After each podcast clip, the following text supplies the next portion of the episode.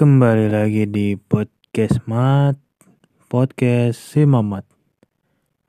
Untuk sebagian besar teman-temanku mungkin mungkin ya mungkin aku bisa susah susah susah. Mungkin masa yang paling menyenangkan itu di SMP mungkin loh ya karena beberapa teman saya pernah bercerita bahwa pengalaman atau pertemanan yang mengasihkan itu di SMP.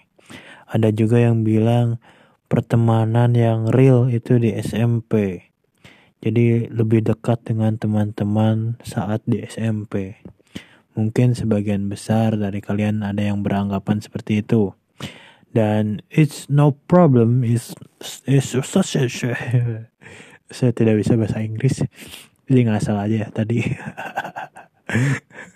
Uh, jadi gitu teman-teman. Mungkin dari kalian ada yang mengalami itu tapi tidak bagi saya. Uh saya tegang tegang. Musik musik dedededeng tidak ya bagi saya karena apa karena masa-masa SMP adalah suatu hal yang menurut saya bagi saya loh ya bagi saya adalah masa-masa kehancuran saya. Kenapa bisa masa kehancuran saya?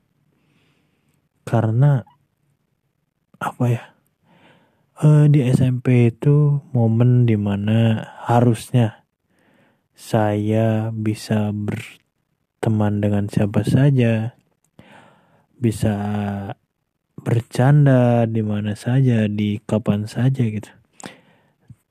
Tapi malah disibukkan dengan mencari cari-cari wanita wanita wanita yang akan menjadi menjadi pacarmu. Lagu apa barusan? Ya Allah. Maaf ya teman-teman. Lanjut.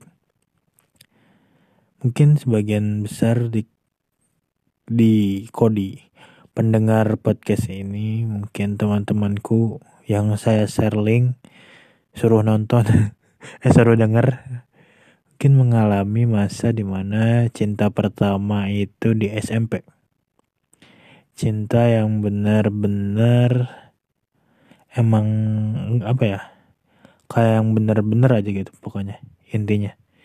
Yang benar-benar tuh benar-benar cinta benar-benar sayang benar-benar kakuk-kakuk dan lain-lain pokoknya. Kalau kakok-kakok berarti saya bingung tidak ada punchline. Ya buat teman-temanku pendengar kalau kakok-kakok berarti tidak nemu punchline. Oke, mungkin itu yang menjadi alasan mengapa saya tidak setuju bahwa masa yang paling menyenangkan itu masa-masa SMP. Karena di SMP saya adalah seorang kapiten, bukan seorang loser. Loser tuh seorang pecundang lah atau tidak pernah dianggap gitu. Bahkan jika saya waktu SMA nih saya mengaku mengaku bukan mengaku ya. Saya bilang saya berasal dari SMP bla bla bla bla. Orang-orang gak percaya karena SMP saya itu mantan RSBI.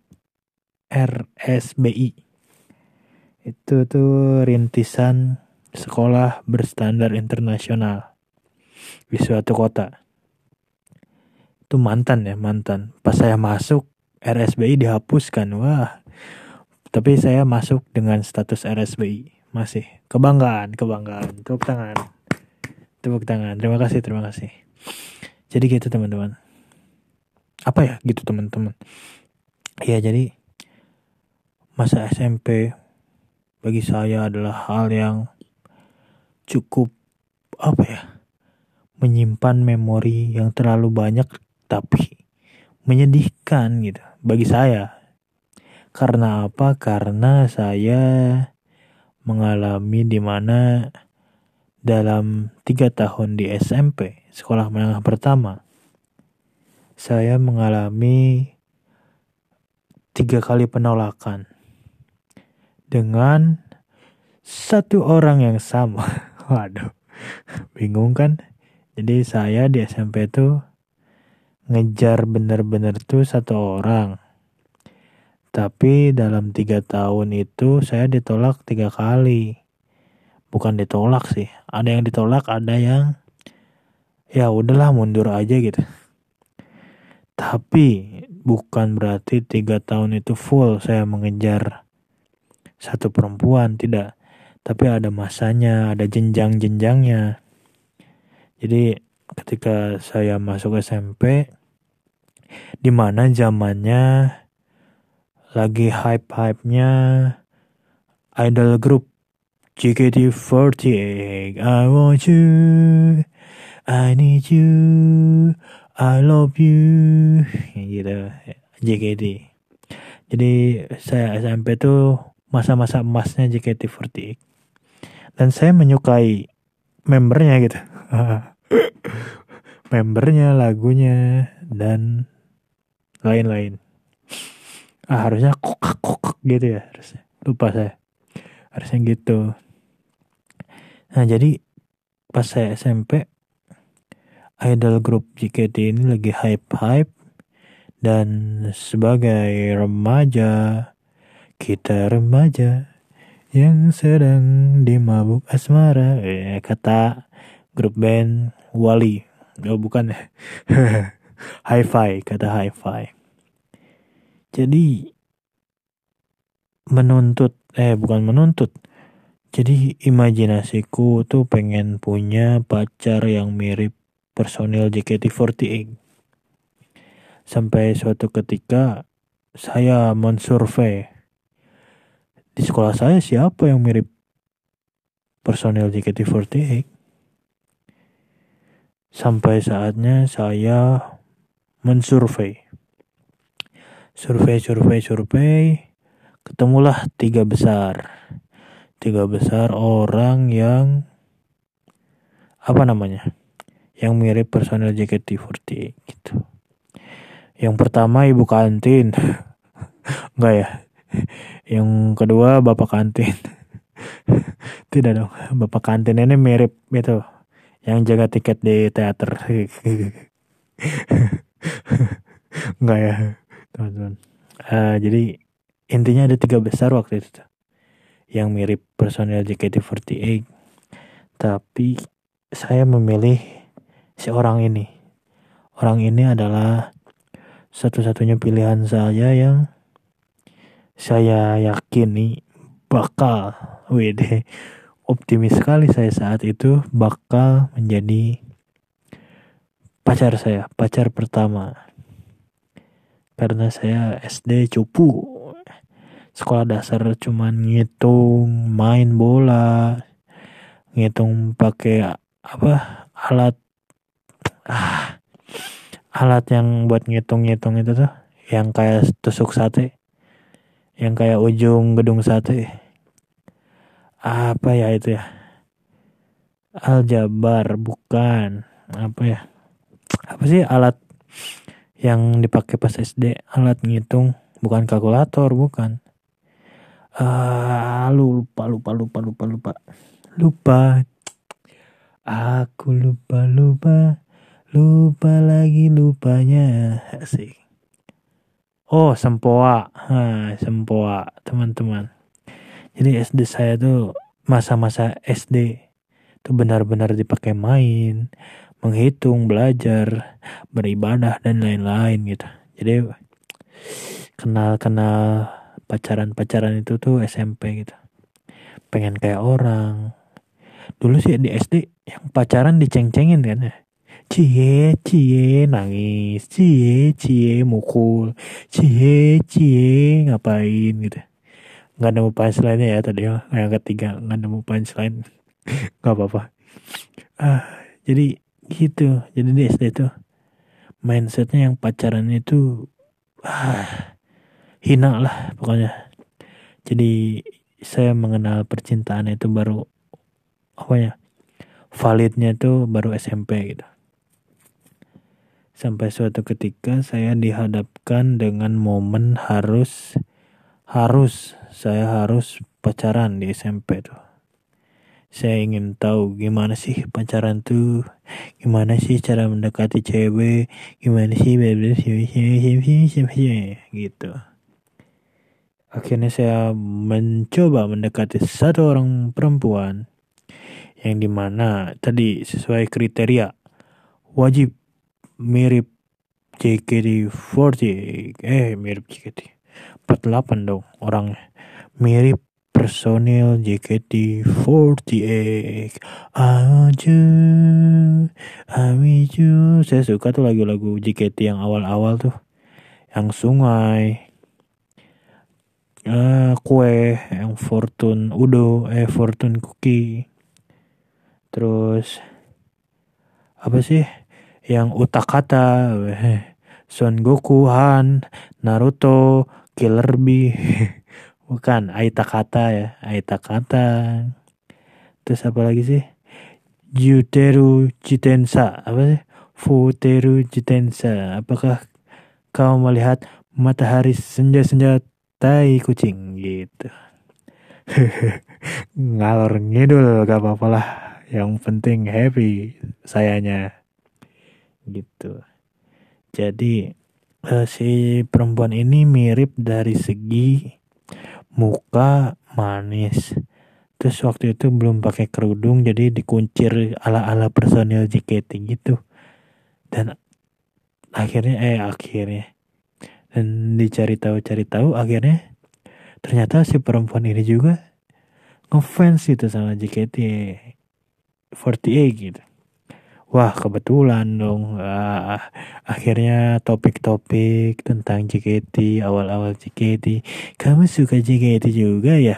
Wah suka lagu yang mana? Oh Osi Osi kamu siapa? Osi itu uh, Apa namanya? Member yang kamu ngefans sama siapa gitu Istilahnya mah saya nggak tahu arti benarnya ya karena saya tidak terlalu fanatik waktu itu. Hanya sebatas suka kepada tampang tampang dari personil JKT48 gitu. seperti Nabila Ayana siapa lagi? Sonya Nabila Abdullah. Kok Abdullah? Keren ya kalau ada Abdullah JKT48 Abdullah oi oi oi oi oi Foto, foto, foto, foto. Lupa lagi saya itu apa? Chance, chance JKT yang tiba foto, curo, curo sambil ngacung-ngacungin pentungan satpam. Waduh, wadah gitu. Nah sampai akhirnya beberapa momen-momen perbincangan kita seputar JKT48 namun beberapa juga tentang pribadi kita masing-masing. Seperti rumah di mana, dengan siapa, semalam berbuat apa, kamu di mana, dengan siapa, semalam berbuat apa, asik-asik, jos gitu. Jadi mulai chat-chat halus, malam-malam 24 jam, dan chatnya kalau kita ngetik apa ngirim tiga harus dibalas tiga waduh. Kalau empat harus dibalas empat. Kalau kurang satu ngambek waduh. Pokoknya udah saling apa ya saling nyaman satu sama lain intinya itu. Namun ketika beberapa hari eh beberapa hari beberapa bulan kemudian saya mengetahui bahwa Sang pujaan hati. Apa kabarmu? Asik. Sang pujaan hati ternyata sudah memiliki kasih. Kekasih. Kan nemu lagunya. Kakashi Hatake. Si kekasih bukan kekasih Sang calon kekasih ini sudah memiliki kekasih. Calon kekasih yang memiliki kekasih pokoknya intinya dia sudah memiliki kekasih yaitu seorang kakak kelas. Catat kakak kelas. Nah, jadi saya kan baru masuk nih baru masuk SMP dan gebetan saya pacarnya kakak kelas ya tentu saya takut dong. Akhirnya saya Ku harus bisa, bisa berlapang GBK. Beda, berlapang dada ya. Berlapang dada. Asik. Akhirnya saya melepaskan, merelakan.